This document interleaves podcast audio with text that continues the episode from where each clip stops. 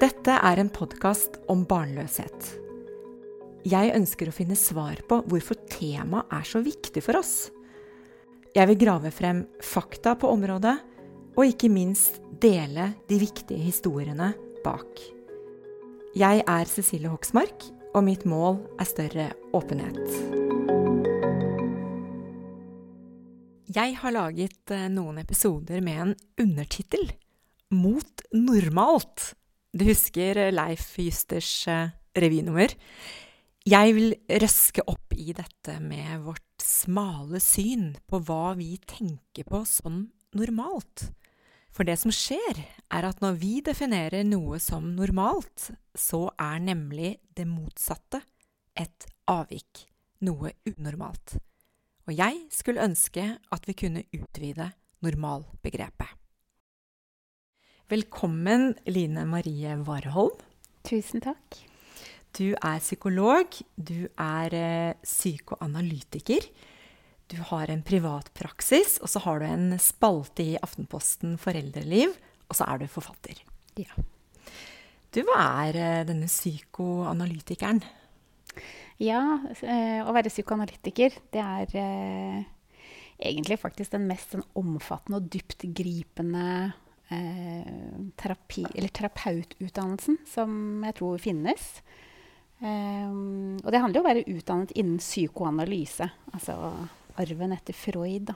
Uh, og liksom den store forskjellen på det som er liksom, ja, psykoanalyse eller psykodynamisk psykoterapi, og i andre retningen er mer uh, liksom den store vektleggingen av alt som foregår ubevisst i oss. Mm, at uh, man tenker seg at det er bare en liten del av det som foregår i oss, som vi liksom har oversikt og er bevisst til enhver tid. Og så foregår det masse under der som driver oss. Mm. Uh, så handler det om å få klare å få litt sånn innsikt i det, da. Og det høres jo litt sånn Det kan høres litt sånn fluffy og magisk ut, men uh, det, er, det, handler jo liksom ikke mer om noe mer enn sånn at man plutselig liksom klikker på partneren sin eh, tilsynelatende uten grunn. Og så hvis man på en måte begynner å se litt nærmere etter, så har det kanskje skjedd masse annet den dagen, eller man har snakket om noe som utløste et eller annet, eller? Men der og da i øyeblikket så kan man jo tenke at det er noe helt sånn Man tenker at det er én ting man reagerer på, men så er det masse andre ting. Men det andre har liksom gått litt under radaren der og da. Så det er det, da, å få liksom litt tak i det. Hva er det som egentlig foregår? Og gå litt dypere. Så det er liksom forskjellen på um, psykoanalyse og f.eks. mer sånn kognitiv uh, terapi. Da. Uh, og jeg skriver jo mye um, i avisen og sånn, og da bruker jeg jo også det psykoanalytiske blikket på samfunnet vårt og de litt sånn større linjene, da. Freud var jo, mye, var jo opptatt av krig og liksom mørkere drivkrefter også. Ikke liksom bare i individet, men i litt sånn større perspektiv, da. Og da passer jo dette temaet her i dag, som er sammenligning, mm. veldig bra. Mm, det og gjør hva skjuler det seg egentlig bak denne sammenligningen vi holder på med, eller hvor mye er bevisst og hvor mye er ubevisst? Hva Mm. er det vi egentlig holder på med når vi sammenligner, sammenligner oss med andre? Ja, ikke sant. Det er jo eh, mange ting. Eh, noe er jo litt sånn altså, sant? Hvis du hadde spurt uh, noen som var opptatt av evolusjonsteori, så ville de jo sagt at uh, jo, men vi er, vi er opptatt av å være en del av flokken. Ellers hadde vi ikke overlevd. Derfor er vi opptatt av å tilpasse oss. Det er derfor vi er så sosiale som vi er. Nå nikker biologen, da. Ikke Kjenner meg igjen i. Ehm, sånn at det er jo på en måte én eh, del av det. Eh, og så tenker jeg jo at vi som individer sammenligner oss kanskje på mange forskjellige måter. da. Eh, og at eh, hva det er vi sammenligner oss med, er veldig individuelt. Og kanskje hvor, hvor mye vi sammenligner oss med andre. Da. Det er jo også veldig individuelt. At man er veldig forskjellig på det. Mens noen hele tiden holder et sånt regnskap og følger med og liksom regner ut sin posisjon eller sånn. Eh, mens andre lever mer fri, fristilt, da. Men eh, når vi snakker om sammenligning, så er det jo vanskelig å unngå temaet sosiale medier, da, som jo er lagd for sammenligning. ikke sant? Og hvor man tenker at noe av det som gjør oss så eh, så hva skal vi si, miserable når vi er mye på sosiale medier, særlig medier som Instagram, og sånn, er jo nettopp det at vi sammenligner oss på en veldig dårlig måte. Altså det er overflaten som sammenlignes, og ikke mer det som skjer hvis vi snakker sammen i en fortrolig samtale, eller hvis man leser en roman, da. Så kjenner man seg jo igjen i den andre, eller prøver å forstå hverandre mer sånn innenfra. Mens i sosiale medier så er det jo en sånn fasade eller noe, et eller annet, en eller annen slags presentasjon man sammenligner. Um, ja, og hele utformingen og sånn som gjør på en måte uh, at det kommer veldig i forgrunnen. Mm. Du nevnte det så vidt med dette behovet for denne flokken og kanskje tilhørighet. Men hvilket behov fyller den sammenligningen? Eller er det et reelt eller er det mer en usikkerhet? Altså, jeg tenker jo at det er liksom litt mer sånn grunnleggende i det er jo kanskje behovet for å høre til, da. Å være en del av noe.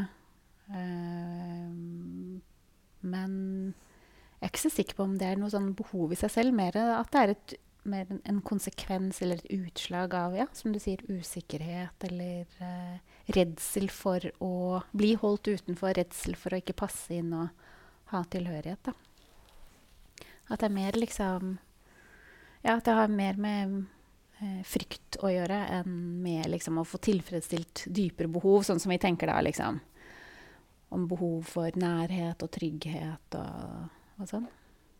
Og så er det jo um, et uh, Hva skal jeg si Kanskje et behov for å sjekke om du er innafor, og da også innafor denne normalen.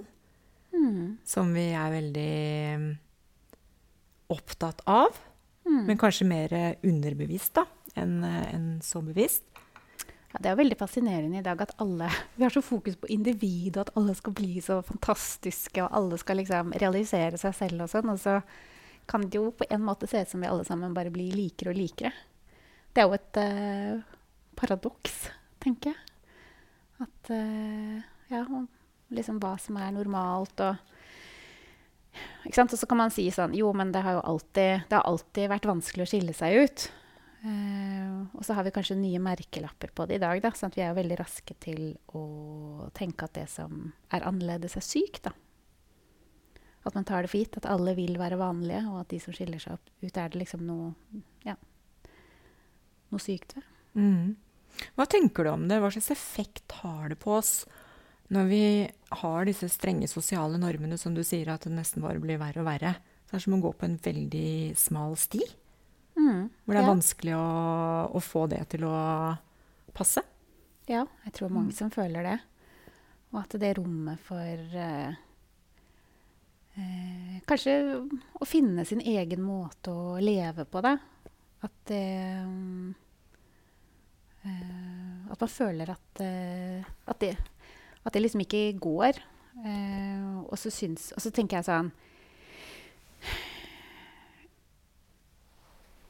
Mange vil jo liksom peke mot samfunnet, da, men jeg syns jo at vi liksom som individer i dag er ganske lite modige i det å tørre å ta andre valg og stå for det, på en måte. Så det er som om hvis du skal ta din egen valg og gå din egen vei, så så skal det liksom legges til rette for det. Da skal det liksom være enkelt. Du skal ikke få noe motstand, du skal ikke få noe kritikk. ikke sant? Men det der å nettopp å tørre å stå for noe eh, Altså det, det, som skrubber litt, da, det trenger vi også i samfunnet. Og der syns jeg vi liksom er blitt litt sånn eh, slappe og late på det å tåle å stå i det. da. Og tørre å tråkke litt utenfor den der smale stien og lage sin egen.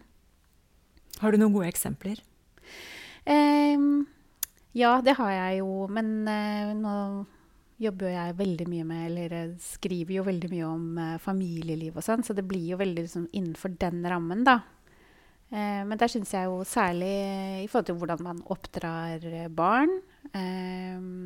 og sånn som med de minste barna, det som jeg har vært opptatt av, så syns jeg jo at at for mange barn kan det jo være veldig tidlig å begynne i barnehagen når de er et år.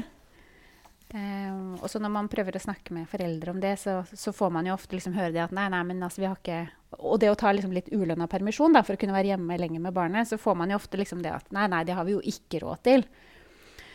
Uh, og så er jo det gjerne familier da hvor man på en måte har to flotte biler og puster opp eh, badet for en halv million, liksom. Og da tenker jeg at det handler om prioritering også. Og at det da å, å gjøre den prioriteringen at OK, da senker vi levestandarden vår fordi vi vil noe annet. At det å gjøre det, da, eh, det syns jeg sitter veldig langt inne for folk.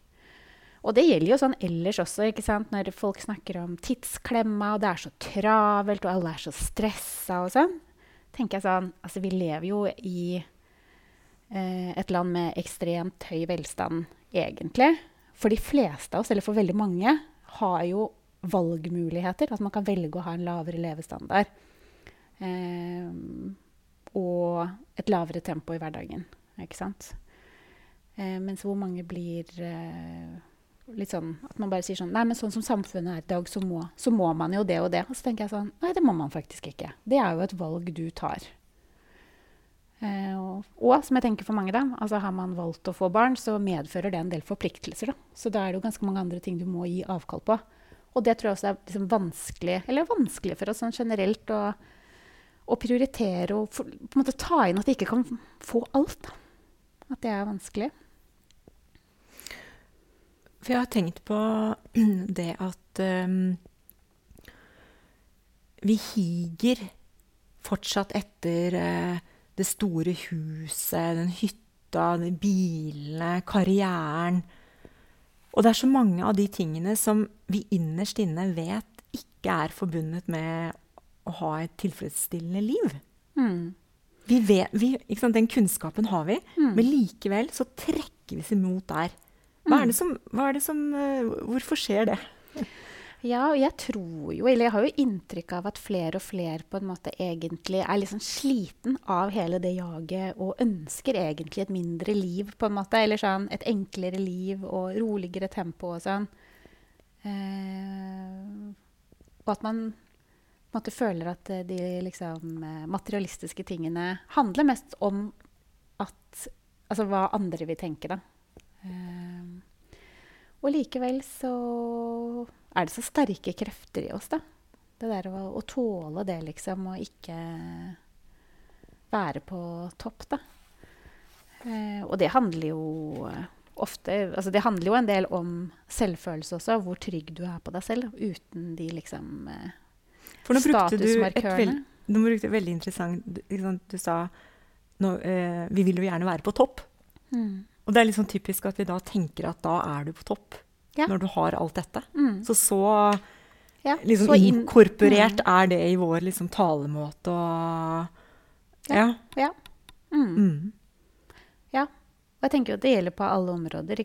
Både det materialistiske og liksom, hva man håndterer, hvordan ting ser ut. og liksom Eh, og det forundrer meg fortsatt, det derre slags sånn eh, redselen for inaktivitet som folk har. ikke sant? Enda vi under pandemien så var det jo mange familier som eh, som eh, liksom fikk noen nye erfaringer med at det var fint å ha mer tid sammen og et roligere tempo og roligere dager. Og så, så fort den pandemien er over, så er vi tilbake i hamsterhjulet alle sammen. liksom. Det, det syns jeg er helt fascinerende. Hva med deg selv? med hamsterhjulet? Ja. Du, jeg, eh, jeg, jeg, eh, løper lenger og lenger vekk, vekk, vekk, fra det, faktisk. Eh, men det er et helt bevisst valg, da. Å leve saktere, å gjøre mindre. Og ta det på alvor at, at min kapasitet, liksom arbeidskapasitet, er en ressurs som jeg må forvalte, og som skal vare i mange år til. Um, sånn at jeg har ja, helt bevisst liksom, gjort det sånn at jeg, jeg, jobber mindre og da tjener mindre penger. Da. Eh, og at uh, barna mine også har et sånt lavere tempo i, i hverdagen. At det tror jeg er fint for, for alle. Sånn at jeg føler jo at når jeg sier det at, at det går an å gjøre noe med det, da, så er det jo ut fra egen erfaring at jeg jo faktisk har gjort det. Mm.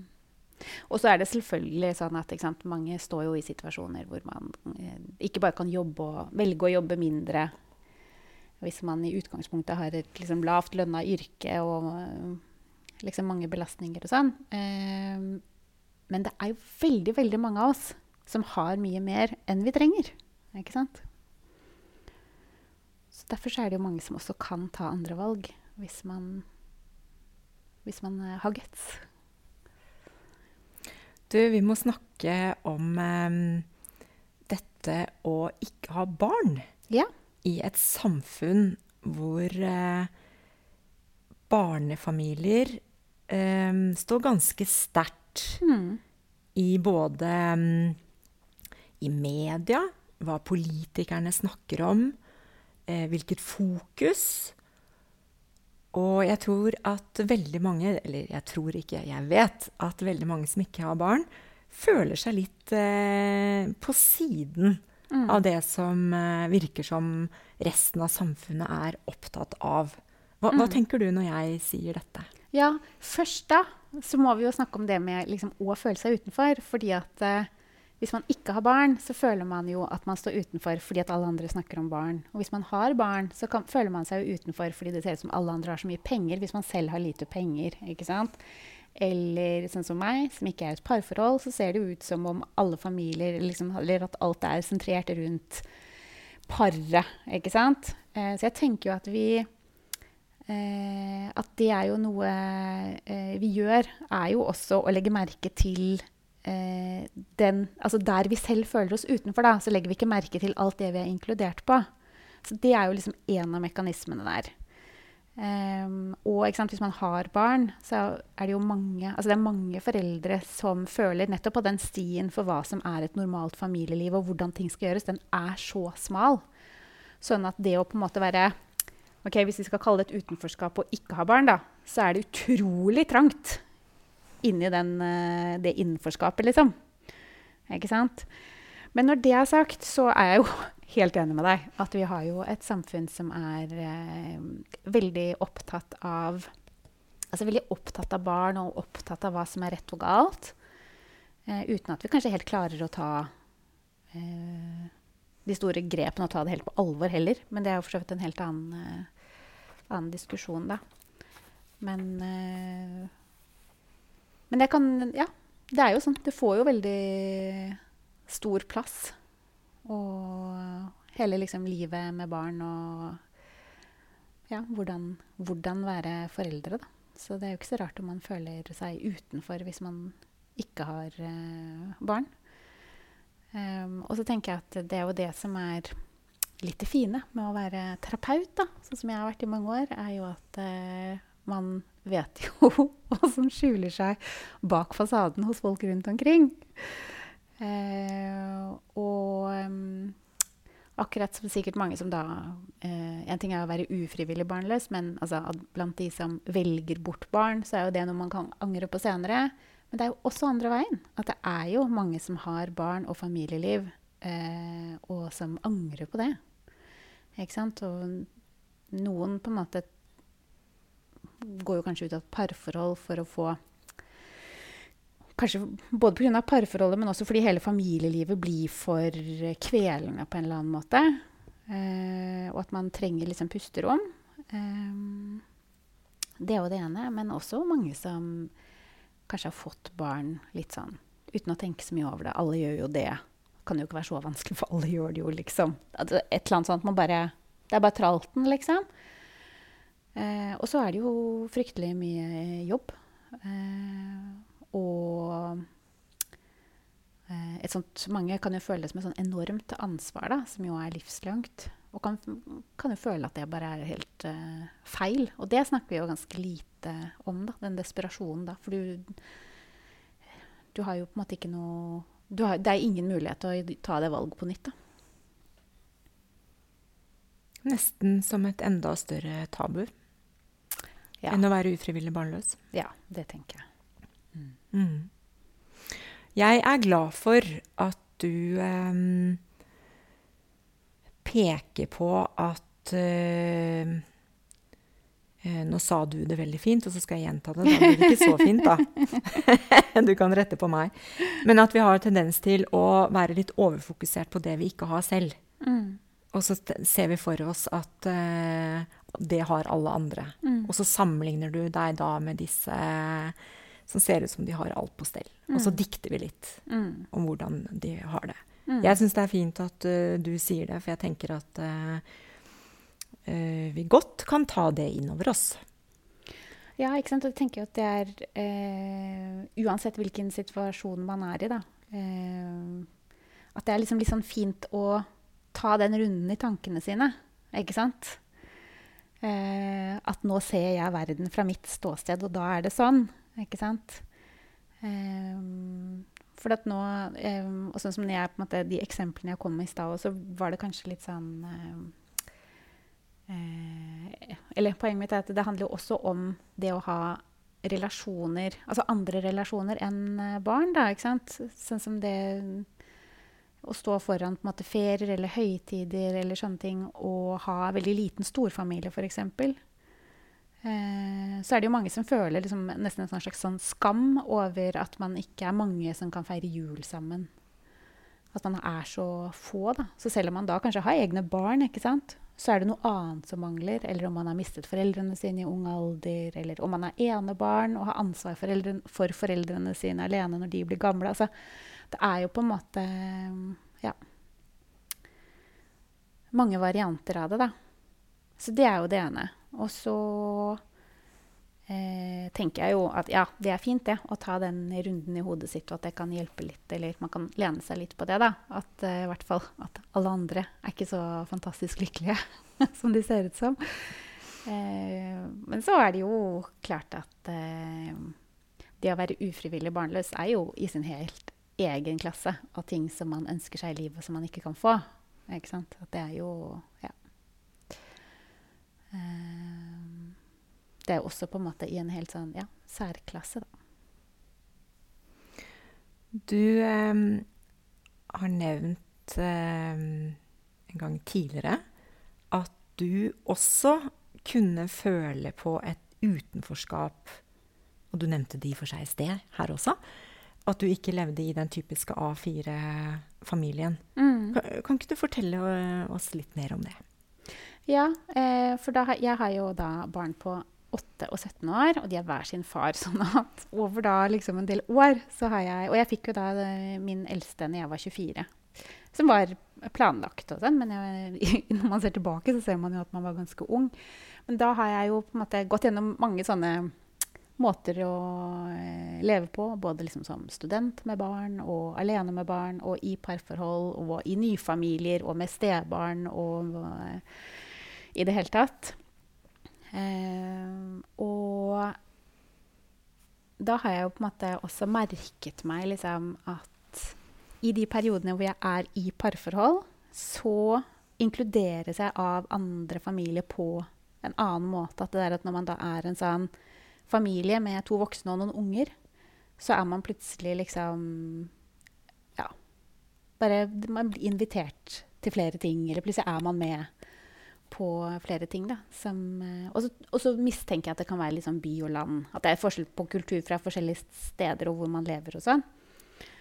Eh, men at det også er eh, eh, litt sånn fascinerende. fordi vi er jo liksom så Vi tenker jo at vi lever i en veldig sånn, et veldig moderne samfunn. Og så eh, er det jo bare litt sånn sånn det er. ikke sant? Det er jo en realitet at hvis man eh, er eh, to voksne i et eh, altså, Og man er mann og kvinne, da.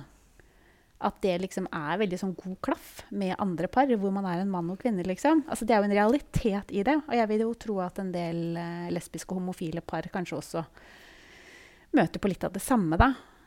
Um, men det, jeg vet ikke, altså. Men det vil jeg jo tro. Og jeg tenker jo at i, i det så er det jo Det er jo en realitet at når man ikke er i et parforhold, så havner man utenfor det fellesskapet. Eh, og så har det jo blitt sånn i dag at vi snakker jo om alt utenforskap som veldig negativt, og som et problem ved samfunnet. Men jeg tenker jo av og til så er det jo også en realitet. Ikke sant? Som man ikke kan skylde på noen. Det er da er det jo en realitet. At jeg ikke klaffer, liksom passer inn i den, i den greia der, da. Um, så det er på en måte en sånn ja, uh, betraktning jeg har gjort, og at det er liksom fascinerende hvor, uh, hvordan sånne små, liksom praktiske detaljer kan ha stor forskjell. Da. Takk for deling. jo. Vi har en tendens til at samtaler mellom to personer kan bli litt sånn eh, Hvis den ene forteller at eh, til sommeren så skal vi til Italia på ferie. Og så kan responsen da av og til bli at eh, å ja, nei, men vi har tenkt oss dit og dit. Nei, vi var jo i Italia for tre år siden, så det er ikke noe for oss. Så det er noe sånn sammenligningsgrums, Mm. har jeg tenkt, som Mm. blander seg i en samtale som ellers kunne blitt veldig god. Mm. Og det er mulig jeg er veldig var på det, men jeg har i hvert fall begynt å legge merke til det. Og da Mm. dukker det veldig ofte opp. Hva, hva, er det, hva er det vi holder på med da? Ja, ikke sant? At det er øh, øh, litt sånn at noen er jo, Og noen er jo veldig sånn at øh, i det noe Altså hvis noen andre gjør noe annerledes enn meg, så er det som om det er en kritikk av hvordan jeg gjør det. Eller at man hele tiden nettopp sammenligner da, og sier sånn Hvorfor gjør dere det sånn, og jeg gjør det på denne måten? Og da må jo en av oss Altså er, en av oss må jo ta feil her. Ikke sant? Og at det eh, Det er jo veldig slitsomt. Ikke sant? For da får man jo også de derre Å, nå, nå har det vært så travelt for meg en stund, og jeg er så sliten. Du skulle bare visst hvor travelt vi har hatt det. ikke sant? Og så blir det en sånn der, eh, konkurranse da, på hvem som ja, enten har den fineste ferien, eller har tatt de smarteste valgene, eller eh, er mest slitne, eller eh, eh, Og noen eh, ja, drar det jo veldig langt, sånn at det blir som om måte det, ja, alle som lever på en litt annen måte, eller tar litt andre valg eh, At det blir en kritikk av hvordan man eh, lever. Og særlig i forhold til eh, å ha barn eller ikke å ha barn, så er jo det mange som er liksom veldig, veldig At der er det veldig mye sånn eh, såre følelser eh, ute og går, ikke sant? At eh, og som jeg kan tenke meg at man møter mye på da, hvis man er En ting er jo hvis man er ufrivillig barnløs, men hvis man har valgt det bort og tatt et helt sånn bevisst valg på det, eh, at det For noen så oppleves jo det som om eh, Altså, hvis du velger å ikke få barn, så er det nesten som om du på en måte ønsker mine barn døde. ikke sant? Mens det kan jo være sånn at noen lever godt uten barn òg. For noen andre så er det kanskje det viktigste i livet, liksom. At det er eh, men det at folk velger forskjellig, da, at det ja, kan være veldig provoserende for noen. Um, og jeg tenker jo litt sånn at hvis du står veldig stødig i valgene du har tatt, så blir du ikke så provosert av at andre velger noe annet. Hvis du står trygt selv, så kan du jo eh, være mer nysgjerrig på de valgene som eh, andre tar, da. Og tåle at noen reiser til Italia selv om du har tenkt å være hjemme, liksom. Mm. Jeg skal ikke dit. jeg skal være hjemme.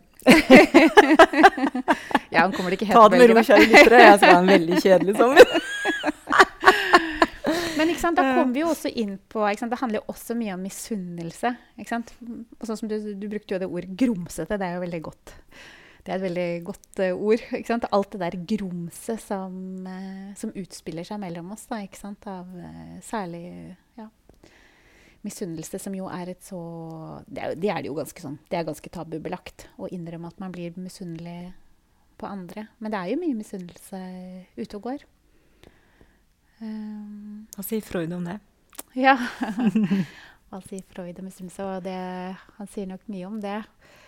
Um, det er sikkert mye ubevisst misunnelse ja, som kommer til rare uttrykk? Ja, kanskje? ikke sant? Det gjør det nok.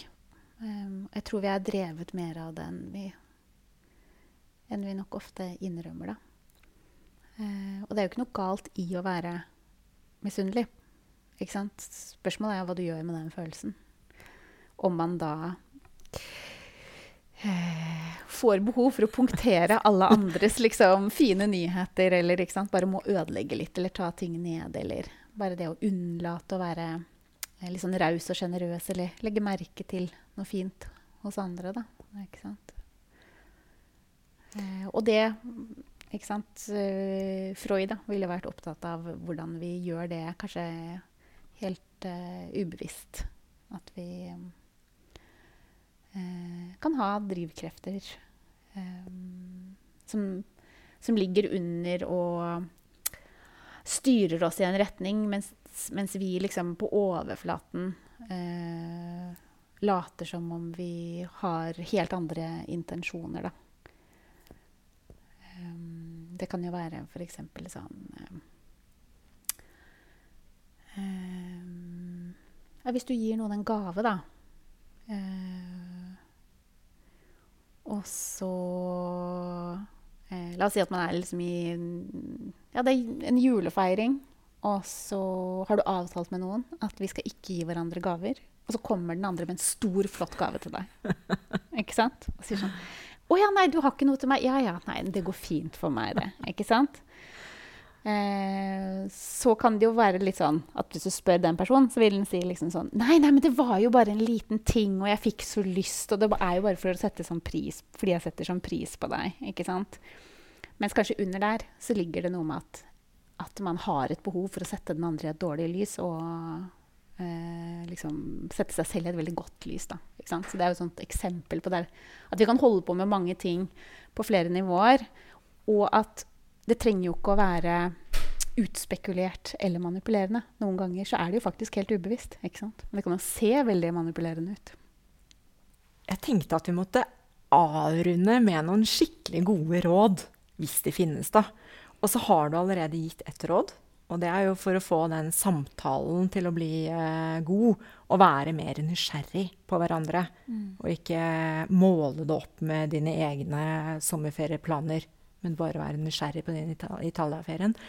Men har du noe råd ellers til denne, skal vi si, daglige sammenligningen vi holder på med? Altså, det beste rådet er jo ikke å være på sosiale medier. Eh, og i hvert fall å um, kutte ned på tidsbruken. Eh, der er det jo gjort mye forskning, og da viser det jo at Da er det jo sånne apper som eh, Instagram, særlig da, i forhold til Snapchat eller andre apper hvor man liksom har mer sånn dialog og sånn, men særlig sånn Instagram og TikTok og den type sosiale medier hvor man liksom veldig sånn ser og sammenligner seg, så ser man at det handler ikke bare om å være der eller å ikke være der. Men at det handler om hvor mye tid du bruker der. Sånn at det å, å, ikke bruke så mye tid der, er jo på en måte det aller, aller beste rådet. Eh, nei, det er ikke det beste rådet. Det beste rådet Nå kommer det aller beste. Det aller beste rådet uansett hva slags problemstilling man står i, er å ikke høre på sånne som meg som gir gode råd. Det er det første rådet. Det andre rådet er at da gir jeg et råd likevel. og det er å kutte ned på sosiale uh, medier. Um, og så tror jeg jo litt på uh, det som jeg har blitt litt opptatt av da, fordi vi snakker så mye om utenforskap og liksom um, hvor, hvor, fælt det er å ikke være liksom, inkludert. Og at jeg tenker at vi må ha med oss at det fins flere typer utenforskap. Det fins det utenforskapet hvor du eh, Altså sånn, sånn, helt tydelig diskriminering eller mobbing eller utestengning. Og så fins det jo det utenforskapet som man kan føle fordi man tar andre valg eller står utenfor, eller bare fordi vi er forskjellige. Eh, og at jeg tenker at vi må passe oss sånn at ikke vi eh, For eksempel måten vi snakker om ting på, påvirker hvordan vi opplever noe. Sånn at det å eh, stå litt utenfor må jo ikke være veldig negativt. Ikke sant? At vi har jo fått en diskurs der, der alle skal være inkludert, og hvor man kanskje ikke eh, Kanskje ikke det trenger å være liksom målet, da. Eh, og det syns jeg er eh, en av de fine erfaringene jeg har med meg fra min oppvekst, hvor jeg på en måte ikke har vært av de kuleste, ikke har vært liksom i den kule gjengen, eller kanskje ikke engang hatt en gjeng bestandig, eller ikke sant. Eh, og det å tåle å, å være litt utenfor og se inn på de andre og kjenne på den smerten som det innebærer. Eh, men at det å kjenne at det går også fint, eh, er jeg veldig glad for at jeg har med meg nå. Fordi at eh, i den rollen jeg har nå, hvor jeg skriver mye, så er det jo nettopp det å klare å ta det steget tilbake. Eh, og ikke løpe i det andre sporet som alle andre. Ikke sant? Jeg prøver jo å, å komme med et nytt blikk på ting som skjer i samfunnet vårt. Eller ja, særlig nå handler den spalten min handler mye om eh, familielivet, da. Men jeg føler at det der å prøve å ha et sånt friskt blikk på ting eh, er lettere hvis man ikke er så opptatt av å bli tatt imot og være innafor. Jeg føler at, at, de beste spaltene skriver jeg jo når jeg tenker at eh, nå kan det hende at noen blir provosert av det jeg skriver. Eh, og jeg tenker at det er så viktig at, vi, at, vi, at, en del av oss tør å ta det steget ut. Da.